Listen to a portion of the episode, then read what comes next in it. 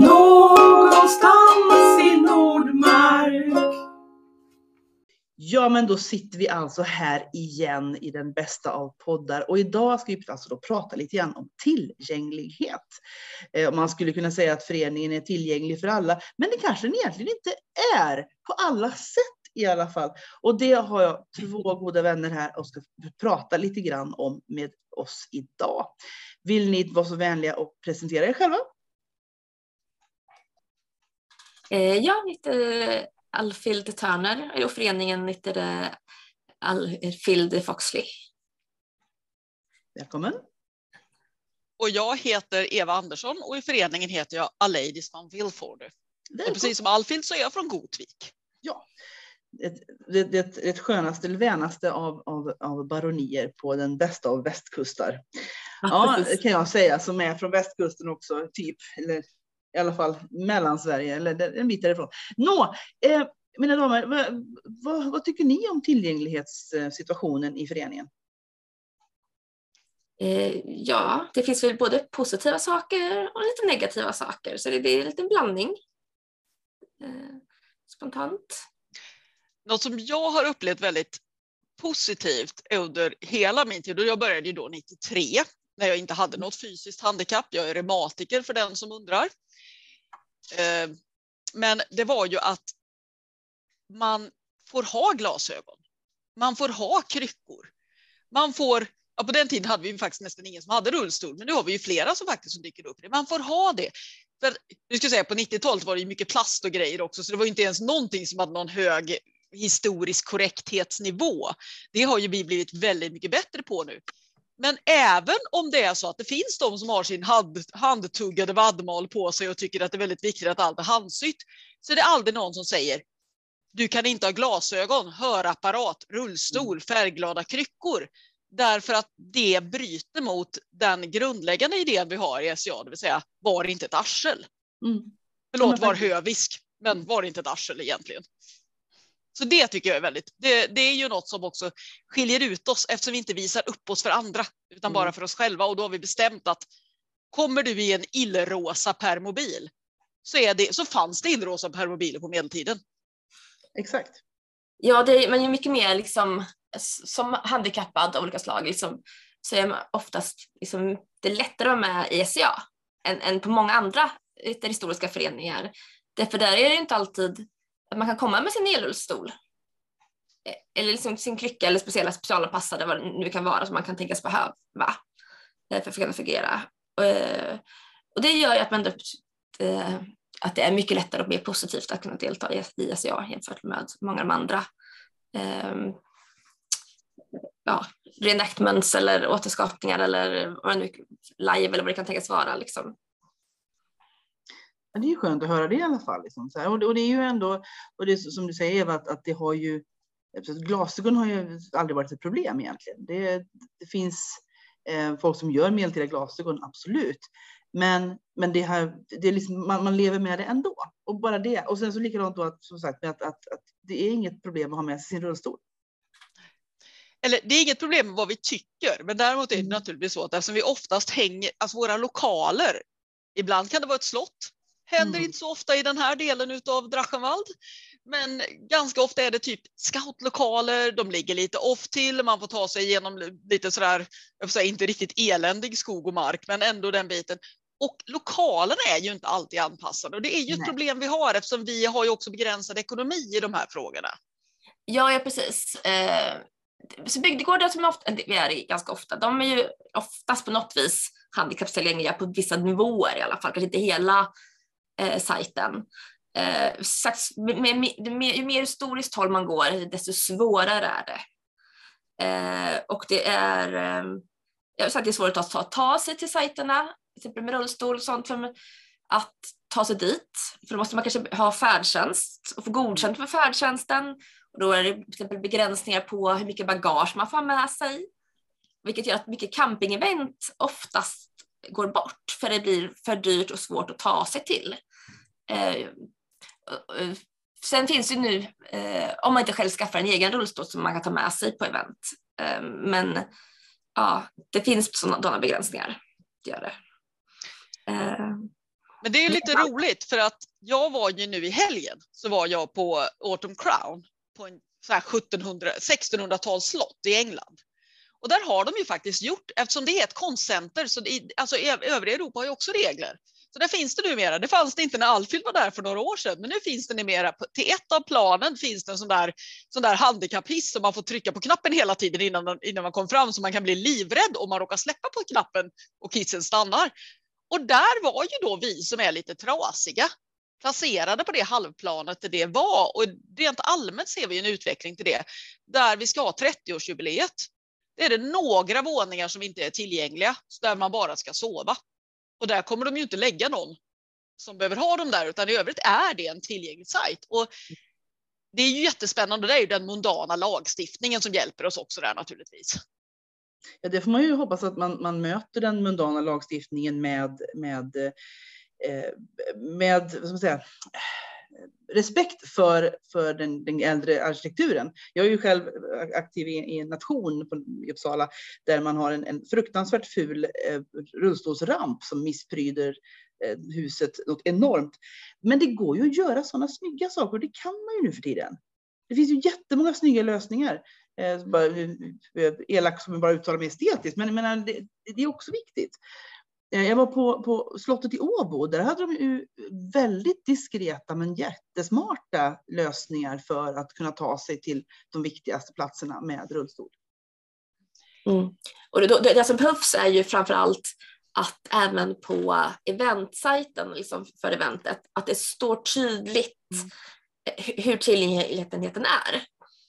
Eh, om det inte står tydligt eller finns det någon som är ansvarig för tillgänglighet, då är det oftast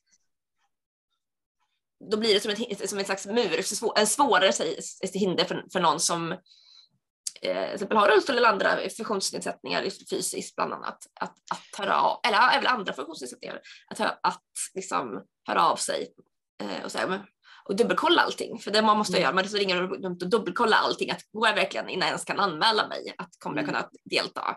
Är det tillräckligt nog? Liksom? Och det där är ju skitjobbigt, så egentligen skulle vi ha det. De, många gör det, men det är något vi kan bli bättre på och som är lätt att fixa. Det är att man i alla eventannonser skriver ut, dels att man alltid letar efter en tillgänglig plats, men ibland är det ju så att man liksom bara inte och jag menar, de stora kungadömeseventen, de måste vara tillgängliga tycker jag. Men det är klart, ordnar du din egen lilla liksom så här, skokurs för folk som bor i ditt landskap och du inte lyckas hitta någonstans så är det tråkigt, men man kan förstå att det kanske inte går. Men det måste alltid stå. För då ja, slipper jag, jag, det som... Jag fick kolla nu inför uh, King, um, men det var, det var i ja, King University i Rockesta uh, införda. Och, och nej, det går inte. Nej. Mm. Det är ju eh, jättetråkigt för det är ett eh, kungadömesevenemang. Mm. Ja, ehm, så det, var, det var ju synd att det inte gick. Liksom, och sådär. Sen, sen vill man gärna åka till andra länder med det, men det är alltid, man tar en risk att resa med rullstol. För, för, om man åker flyg och sånt. Det är, för om det, det, det, är så lätt att den går sönder och så står man där mm. och så är den trasig för det räknas som bagage och inte som liksom, en del av en själv, vilket det är egentligen. Mm. Eh, Eh, så ja, det finns sådana så här små hinder man måste ta sig över helt enkelt för att det ska kunna gå och fungera. Liksom. Sagt, information, och där kommer vi upp med mitt, med mitt andra handikapp då, och det är nämligen att jag är också autistisk, så för mig är det framför allt sen jag gick in i väggen, det, man, man blir väldigt lätt utbränd som autist och också på ett lite annorlunda sätt. Eftersom det inte är jobbet utan livet som bränner ut en. Så är det väldigt svårt det här att ta kontakt och att inte veta allt varit svårt med. Jag, om jag inte vet exakt att jag är välkommen så är min, går min hjärna in i klart jag är inte välkommen. Trots mm. liksom 40 års erfarenhet av att folk tycker jag är en schysst och trevlig människa. Eh, men det är så, och så kan du även vara, du behöver inte autist, det räcker att ha trauma eller att ha upplevt den här, man snackar om den här rädslan för att stötas bort som är väldigt vanligt hos folk med ADHD och autism men också folk som har olika former av trauma i sin uppväxt. Och det är ju också en form av handikapp. Och vi har ju en större andel människor med, med någon form av autism eller ADHD än, än liksom samhället i övrigt kan man säga eftersom vi har det här. Säga, ja. Mm. Men det är ju därför att som autist så vill du, det här, jag blev ju, in, när jag gjorde min utredning frågade de så här. Så det är alltså så att du trivs bäst att umgås med människor du har gemensamma intressen med? Och jag bara, dö? Ja, det gör jag. Det gör alla andra människor också nämligen. Mm. Men poängen är att vi söker oss till intressebaserade grupper, därför har vi, är vi fler av oss än på andra ställen. Och där såg jag en rolig sak när Löghammar ordnade sin skolkurs var det väl, var ju att de hade ordnat ett tyst rum. Och det var ju inte specifikt riktat till autister, men eftersom alla människor är helt galna efter pandemin och blir liksom, ser de fler än fyra personer samtidigt så blir man jättetrött. Så hade de ordnat den möjligheten att man kunde dra sig undan. Det är också ett sätt att göra det mer tillgängligt. Mm. Ja, ja precis. Det finns, ju- så många olika funktionsvariationer eller funktionsnedsättningar som påverkar alla på olika sätt. Liksom, ibland behöver vi komma undan för att bara ta det lite tyst och liksom varva ner liksom, eh, också. Eh, och så, så ja. Där kan jag naturligtvis inte nog rekommendera promenader för att bada i Gyllebosjön på Knäcke. Det är inte bara för att jag är tokig och bada som jag är där och går hela tiden. Man får vara i fred en stund ja. ja. Och som sagt, Ja. många av oss behöver det, för vi är den sortens människor i den här föreningen i rätt stor utsträckning, att vi behöver få lite andas, lite pauser. Mm. Mm. ja och sen kan man, alla behöva lite, lite vara i fred en stund. kan nog vara ganska, ganska bra faktiskt. Mm. Ja. Nio veckor camping, det är klart som sjutton du behöver vara i fred. Mm. Mm. Eller nio veckor, nio dagar menar jag. Nio dagar. du måste vara i fred. Men jag minns ju när jag gick med i föreningen så hade jag, jag hade ju aldrig träffat så mycket allergiska människor i mitt liv. Jag hade liksom inte umgåtts med en vegetarian ens. Liksom. Eh, så att, i min, min värld så var ju jag en väldigt normal människa i en skog av galningar. Eh, och det uppskattar jag i föreningen för, absolut. Eh, men men eh, ja, det är ju en väldigt, väldigt positiv miljö för alla som, som står ut på något sätt, eller hur? Mm. En sak som jag tycker är bra, det tänkte på när Alfhild tog upp det här nu med att Kingdom University inte är tillgänglig där vi är idag. Det är ju inte nu det här året. Det är ju inte, det är ett fantastiskt slott, ett jättetrevligt ställe. Men det är tjocka jämra grusgångar till exempel som är helt värdelösa med rullstol och liknande. Eh, Men det, det är ett fantastiskt ställe. Det är roligt att kunna vara där. Men vad vi också hade under pandemin som gav en enorm kick för många av oss var ju online-universitetet. Ja, det var fantastiskt. Äntligen kunde jag delta på ett event efter min egen förmåga. Jag kunde delta på fler kurser. För, så, om jag åker på ett fysiskt event, det, det, krävs, det kräver så mycket energi att jag kraschar och liksom, ork, orkar inte med allt. Men helt plötsligt orkade jag med ett helt event. Jag kunde åka, gå på alla kurserna och jag kunde göra det utan att det, det ja, förstörde för kroppen och det var tillgängligt för mig. Då behöver man också diktera sen tillgänglighet och kanske för blinda och synskadade eller hörselskadade på ett annat sätt på, på online. Men det har verkligen varit en game changer för mig och jag hoppas verkligen och håller tummarna att det kommer vara kvar. Att mycket av de här digitala träffarna kommer vara kvar. Eh, För det ger folk som har svårare att röra sig och vilket kanske också då som har svårare att ta sig någonstans. Det kan både vara via eh, fysisk rörelse men det kan också ha med pengafrågor att göra. Att de då kan kunna delta på mer lika villkor. Eh, Det det är inte- jätteviktigt. För det får vi ju inte glömma, det är ju att är du långvarigt sjuk, har du ett, en funktionsnedsättning, har du också sämre ekonomi. Så det här är ju till och med också något, det är ju både en social grej, alltså att du har för folk som har det sämre ställt kan delta på lika villkor, för det kostar ju ingenting. Jag förutsätter att eh, all nät, allt vad nätet kostade togs ifrån någons jobb i England, det är bara min gissning. Eh, så att det här kostade ju ingenting. Man behövde inte resa dit, man kunde sitta hemma. Vi hade, vi, vi hade sociala breakout rooms. Man kunde klä upp sig om man ville. Man måste inte klä upp sig. Man kunde som Alfred brukar göra ligga i den mest bekväma positionen med sin dator framför sig och titta. Och Ja, lära ibland sig stänger så jag av mycket mer. yttre själv. Ja, ibland stänger jag bara av eh, ens kamera när man känner nu, nu, nu är jag för lite dålig för nu vill jag ligga på ett bekvämt ställe, det ser så bra ut. Då stänger jag av den men jag kan fortfarande lyssna och delta. Ehm, så det har, ja, det, det är väldigt praktiskt så sätt. Mm. Ja, pandemin var, var ju jobbig på många sätt och många pratar just om det här att man, man tappade sitt SCA, att det här är som att det- hela det mötandet. Och det är klart, det, det, det, så var det ju absolut. Men som ni säger, den här biten som faktiskt var bra. Man ska, ska försöka behålla det ändå. Det har väl varit prat om att vi ska ha två sorters universitet, alltså både IRL-universitet och ehm, eh, nätbaserade. Och det vore ju väldigt, väldigt praktiskt. Ja, för det är också det att vissa saker, alltså jag håller ju, en del klasser är ju så här, alla ska ha hands-on och liksom Mm. alla ska röra i grytan eller fläta i vad man nu gör för någonting. Och då är det ju ändå alltid väldigt begränsat med antalet deltagare. En del grejer är ju sånt som jag har som pratar om homosexualitet på medeltiden. Du skulle kunna lyssna på det 300 pers utan att det påverkar någon. Så det är också att man kan tänka sig att universiteten delvis får lite olika karaktär. Mm. Men det har ju också visat en hel del av de praktiska klasserna har ju faktiskt funkat online också. Folk har ju lagat mat tillsammans från olika delar av, av liksom Europa. Mm. Det går ju alltid att, att, att variera. Jag menar, jag är, ju, jag är ju lärare och jag har ju förstått att, att under den här pandemin att, att eh, en del elever har ju, har ju verkligen kraschat. Det har inte gått alls med distansundervisning och det har varit fruktansvärt. Liksom. Men det har ju också funnits de här eleverna som faktiskt har blommat upp och som har liksom mått bättre av distansundervisning. Just som, det, som, som du säger, Alfred, att helt plötsligt behöver man inte åka någonstans. Man kan faktiskt liksom, göra saker hemifrån. Och, och ja, det är inte dumt.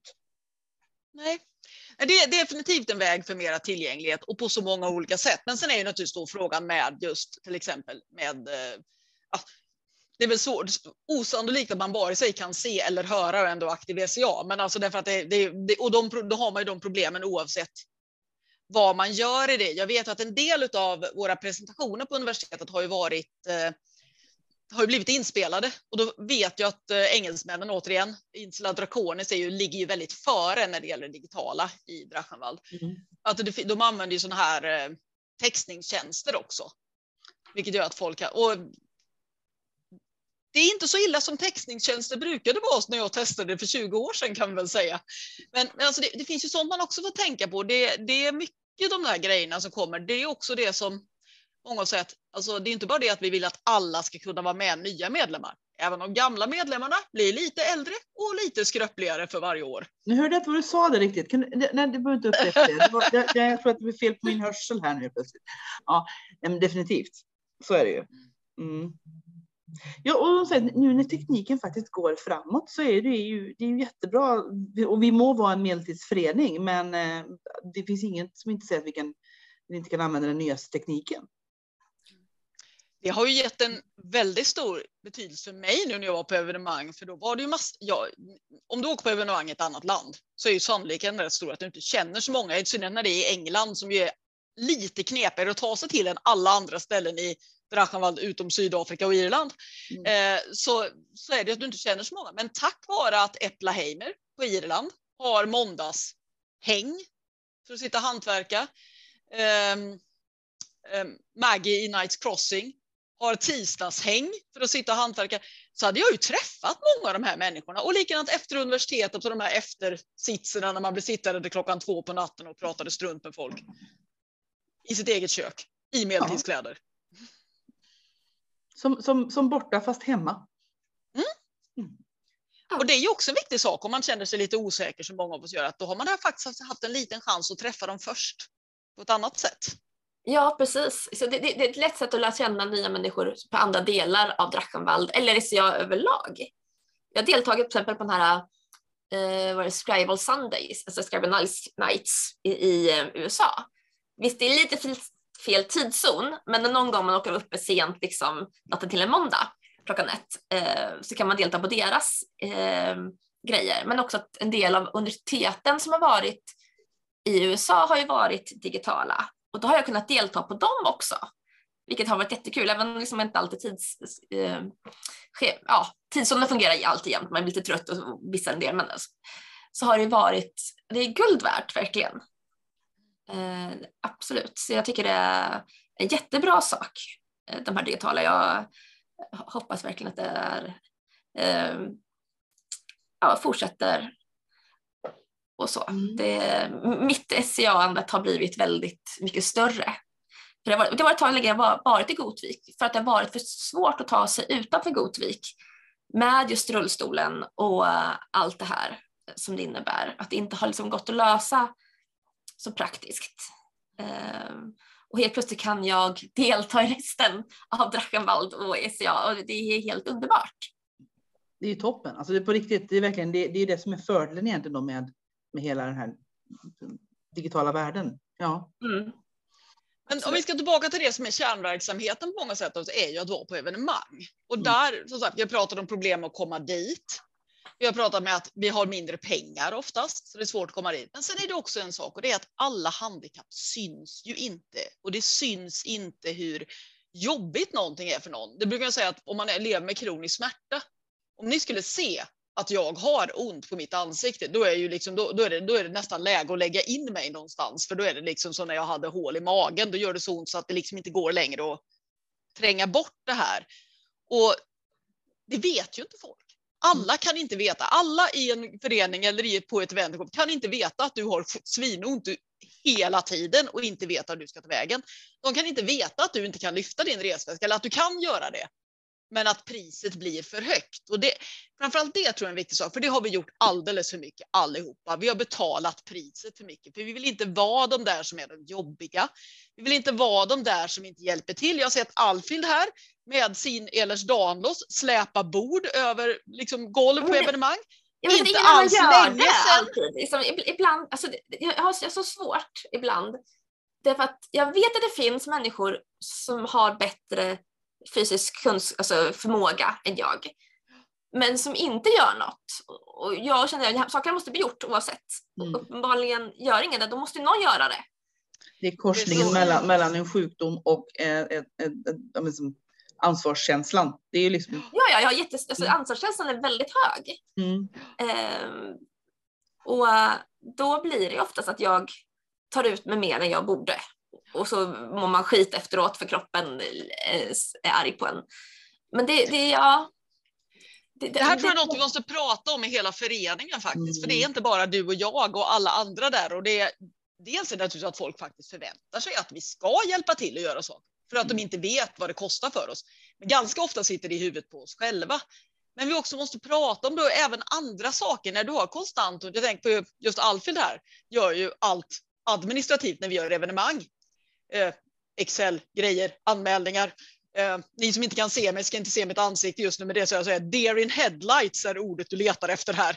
Skrämmande otäcka saker. Alltså det där jobbiga liksom som, som innefattar ja, namn. som jag inte kan längre eftersom hjärnan inte kan. Men det tar ju också, det tar ju också, det, och det är jättemycket tjänster. Du ska aldrig känna där att mm. oh, jag måste också ställa mig och diska frukostdisken. Så det är mm. sånt där, vi behöver prata om det i alla grupper, i alla arrangörsgrupper, i alla grupper, om vad man har för gränser. För jag har ju faktiskt flera gånger tänkt, kan jag åka på Knäcke eller är jag bara en belastning för andra eftersom jag inte kan göra någonting? Och jag är inte den enda som har tänkt det. Ja, det ska du inte tänka. Du är ingen belastning. Det kan jag tala om för dig. Men, nej, men den men, dagen men, när du själv inte kan resa ditt tält ja, alls. Nej, så är det ju. Och det tror jag liksom, det är ett, ett problem vi har i alla föreningar, korsningen mellan, eh, mellan att, att, att vilja hjälpa till, att kunna hjälpa till eh, och så försöka få liv i de där som faktiskt aldrig hjälper till. Mm. Ja. Det, det, är liksom, det, det, är de här, de här tre grupperna som finns egentligen. Det, ja, precis. Ja. Tack och lov är den här gruppen som aldrig hjälper till ganska lite, men, men syns. Mm. För det tror jag är viktigt, vi måste prata om det här också, för att både jag och Alfred känner ju det här och det gör många andra också, att det är att, så att det är, är det någon mening med att jag åker eller är det så mycket besvär? Jag känner så länge jag kan hjälpa till att resa mitt tält, då känner jag att ja, men då har jag rätt att vara där. Den dagen jag bara kan sitta och peka och säga den biten går dit, har jag då rätt att vara där? Det är, alltså, det, är en, det är en komplex sak som sitter rätt mycket i ens eget huvud, mm. men som vi måste prata om på en större nivå. Därför att göra medveten, göra de stackarna som måste resa det här ganska enkla tältet. Men jag hade med öl ja, som jag bjöd på. Jag tror, det, jag tror det hjälper faktiskt. Det tror jag med. Ja. Det blev lite skevt, men man får ta det. Det var öl inblandat, klart det blev skevt. Ja. Men det är ju det att man, man vet ju inte så att kan man, vad kan man be om, vad kan man inte be om, kommer man få hjälp, då blir det så här, då blir det nervositet och stresskänsla hos en själv. Hur kommer det gå liksom? Eh, och sen, jag, tittar, tittar, tittar, jag tittar på Knäcke, jag vill jättegärna åka. Jag har ju lyckats skaffa en, liksom en reserullstol så jag kan ta mig iväg. Men så här, ja, men då får det inte bli den här, inte som, inte som Knäcke i år med lera. Då, då kommer jag inte fram. Lera, otäckt. Då, då kommer jag inte liksom fram. Men jag var till exempel uppe, vid första event utanför Gotvik på jättelänge, jag var uppe på Aros Fencing Camp med min elrullstol den nya. Och det, var, vi fick hjälp att ta in och ut den liksom inom huset, men det gick faktiskt jättebra. Ehm, och sådär. Lite meckvara och lite andra, man fick behöva lite extra hjälp, men det, ja, det gick. Men det är så här, man kan inte kontrollera värdet, det går ju inte alltid. Man skulle ju önska. Eh, Men där är du en förebild Alfhild, därför att du är ju den som har det tydligaste gång, hjälp, mobilitetshjälpmedlet utav de som är väldigt aktiva. Gunilla också i Godvik har ju till exempel sin rullator och vi har andra, men du har ju det tydligaste och då är det väldigt viktigt att visa att du, så här, när du delar med dig av vad som går bra, vad som inte har gått så bra, då säger du ju faktiskt till folk, jag kan vara med även om jag har rullstol. Så det är en jätteviktig förebild där. Precis, och det är också en, en viktig grej, de måste ju synas. Det är så, Ja. även, alltså, både synliga handi- handikapp och ehm, eh, icke synliga handikapp måste synas. Då, skumt säga. Men ja, Ja. för, att, för att visa att alla kan vara med. Och ju Ja. fler som kan vara med, desto lättare blir det att vara med.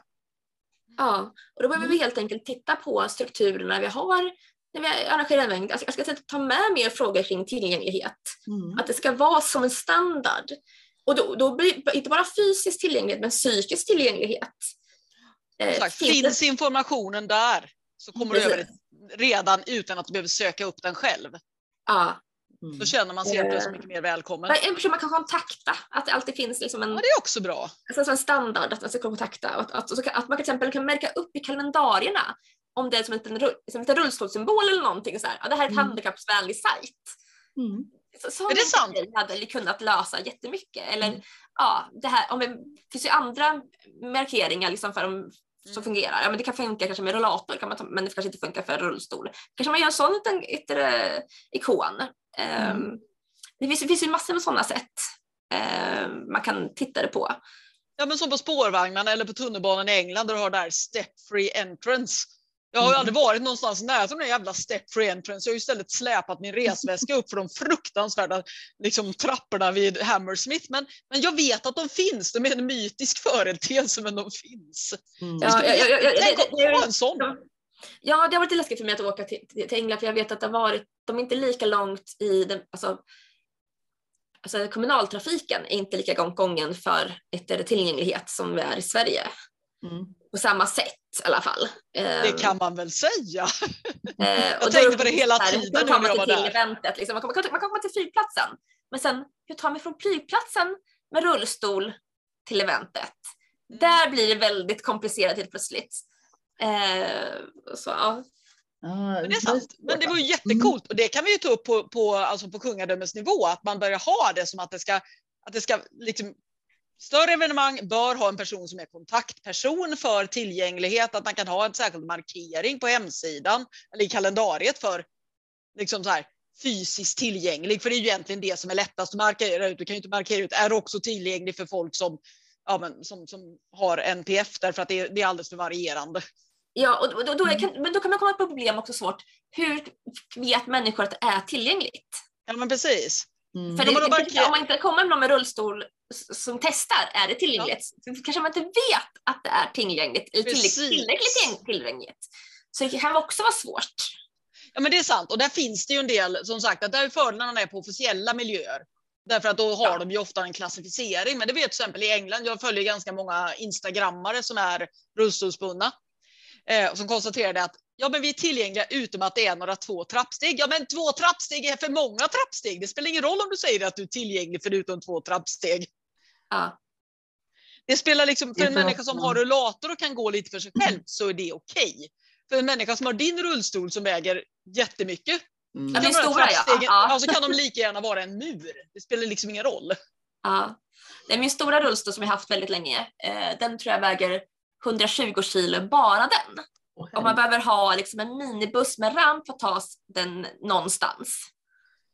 Eh, och om man då till exempel ska ner till, då har jag varit där, ska ner till, ner till Knäcke då och campa, måste, ta med, måste jag beställa riksfärdtjänst och få det godkänt. Och då får jag, får jag ta med mig två väskor. Så Eh. tält som det heter. Nej. Eh, nu har jag, har jag fått av min mamma då en hopfällbar rullstol jag kan ta med mig i en vanlig bil. Men då, får man säga, men då kanske det kan bli viktigare att man tänker mycket på ett samåkning. Ja, precis. Jag tänker också att man kan, just även med alla eh, bensinpriserna och elpriserna, att det kanske att vi satsar lite mer på det också. För jag tänker att det är också många som tycker det är svårt med Mm, visst är det svårt. Jag tycker vi ska ta lite, prata med våra sponsorer lite grann och så återkommer vi alldeles strax. Jag heter Rennike och jag lyssnar på pod- podden Någonstans i Nordmark. Jo, vi pratade ju alltså då om att, att samåka. Vad har vi mer att säga om samåkning? Det är väl ganska bra med samåkning, eller hur? Alltså, Ja. Förr i tiden när jag var med, då var det ju så att föreningarna ordnade ju, till exempel när man åkte till Visby, så hyrde man ju ett släp ihop och de enstaka stackarna som hade bil och körkort, det var ju inte så många om man bor med i en storstadsförening. Drog ju då så betalar man då deras liksom överfart och sådana här saker till Gotland. Jag är ju fortfarande beroende av det för jag har ju inget körkort så jag är fortfarande beroende när vi ska till Knäcke av att någon snäll och vänlig människa hjälper mig. Men det har en tendens att bli numera när så många av oss har körkort så har det blivit väldigt individualiserat. Att du får Mm. liksom kalla, ta in dina egna, liksom, använda dina egna möjligheter, fråga folk som en speciell tjänst till dig.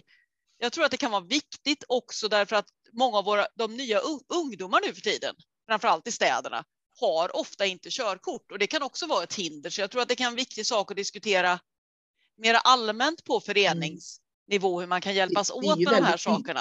Ja. Ja, det är precis. Fruktansvärt dyrt. Mm. Ja, mellan bensinpriserna och ytter, även elpriserna för de som har elbil, de är ju Mm. ganska höga. Så jag tror att många kanske hade tjänat på det i längden faktiskt. Så för att underlätta eh, möjligheten att, att, att få, få, få möjlighet att åka till evenemangen så Ja, lokalgrupperna borde jobbat mer tillsammans för att, att ja, men, ha sam, samåkning. Ja, men precis. Så att det inte blir, jag menar jag har ju någon slags sån här stående hos eh, förra, förr, förra, förra baronen eh, att han kör mina saker ner till, till Knäcke. Men han var ju inte med i år då för att han får ju bebisar hela tiden, den gode Olof. Men, Men, men alltså det ska inte behöva vara så att man ska vara en, en känd person som ordnar saker som någon som folk faktiskt tycker om, utan det ska vara så att, alltså att föreningen gemensamt ska gärna göra det. Du ska inte behöva känna att det är din personliga mm, liksom så här, prestige eller åstadkommande i det, utan att man faktiskt diskuterar som förening. Hur kan vi göra det här så lätt som möjligt för Mm. alla medlemmar? ja, och det är lättare att få ny, med nya medlemmar också definitivt. om man gör det. Ja, ja. Men vill ju helst ha medlemmar som har körkort. Gärna Ja. liksom, gärna liksom C-körkort. Eh, bil med dragkrok står också fint på listan här kan vi väl säga. Kanske till och med äga en egen släpkärra. Så många möjligheter. Så många möjligheter. Men, eh, ja, ja, ja, men, men som, som, då, som jag sa förut, att jag, jag tyckte jag var väldigt, väldigt normal när jag gick med i föreningen. Jag kom från landet och skaffade körkort när jag var så här 18 år och två veckor. Eller sånt där. Eh, och sen så tyckte jag att alla människor som, som inte hade körkort var väldigt, väldigt märkliga. Eh, men då, bar- baronen tog ju körkort bara för några år sedan. Eh, eh, mest för att han har bott ihop med, med, med mig då, som, som uppenbarligen har körkort. Eh, så jag har ju varit den som har fått köra i alla år. Och, och, och då uppskattar man ju verkligen det här med att, att, att, att gruppen som bjuder till och faktiskt ja, men salar till, till bensinen, som är med och som, som, som gör som, eh, resan njutbar. Och, och det blir det ju om man liksom bygger ihop det hela. Om Man liksom snackar upp sig om att, att åka i en grupp, eh, hjälper varandra. Jag menar, fast det är därför vi är föreningsmänniskor, för att engagera oss, hjälpa varandra och göra roliga saker tillsammans. Så jag är en episk sitta bredvid underhållare för jag har ju inte haft körkort då, men jag har ju åkt väldigt mycket. Så är det någonting jag gör det bra på så är det att hålla, hålla en chaufför vaken och underhålla eh, honom kan jag säga. Det, det ser jag som en av mina stora talanger här i världen. Och sådana människor älskar ju vi, vi kör, liksom bilförare. Så vi faktiskt håller oss vakna i, i vad är det, 40-80 mil sådär. Mm. Ja, jag åkte till, eh, till Skriptorium i Uppsala för ett antal år sedan med någon som hade jobbat till klockan sex och sen åkte vi upp efter det. Och det tog ju jättelång tid från Göteborg. Det var mörkt Mm. och Stockholmstrafik och elände och sånt där. Men vi hade jätteroligt och jag kände honom mycket bättre efter den resan än jag hade gjort innan. Så det är också en sak. Det- är där man bygger det här tillsammans. Ja, det är lite jobbigare än att den där medlemmen som har ett tält som går in i en takbox och har liksom sin egen bil åker ner. Det är jobbigare för den personen att vara engagerad i det här som föreningen gör. Men man bygger också gemenskap i föreningen. Ja, absolut. Mm. Ja, det, det, det, det, även, tänker även om man inte alltid kanske bor i samma kamp, en del kanske vill bo med andra i, liksom, som man inte träffat på länge, men just att göra, att få den här gemenskapen på det här sättet är så viktig, att, att, tänk, tänker jag. Ehm, och det, det, då kan det vara de här som, som då har svårare att ta sig någonstans på grund av sin kropp.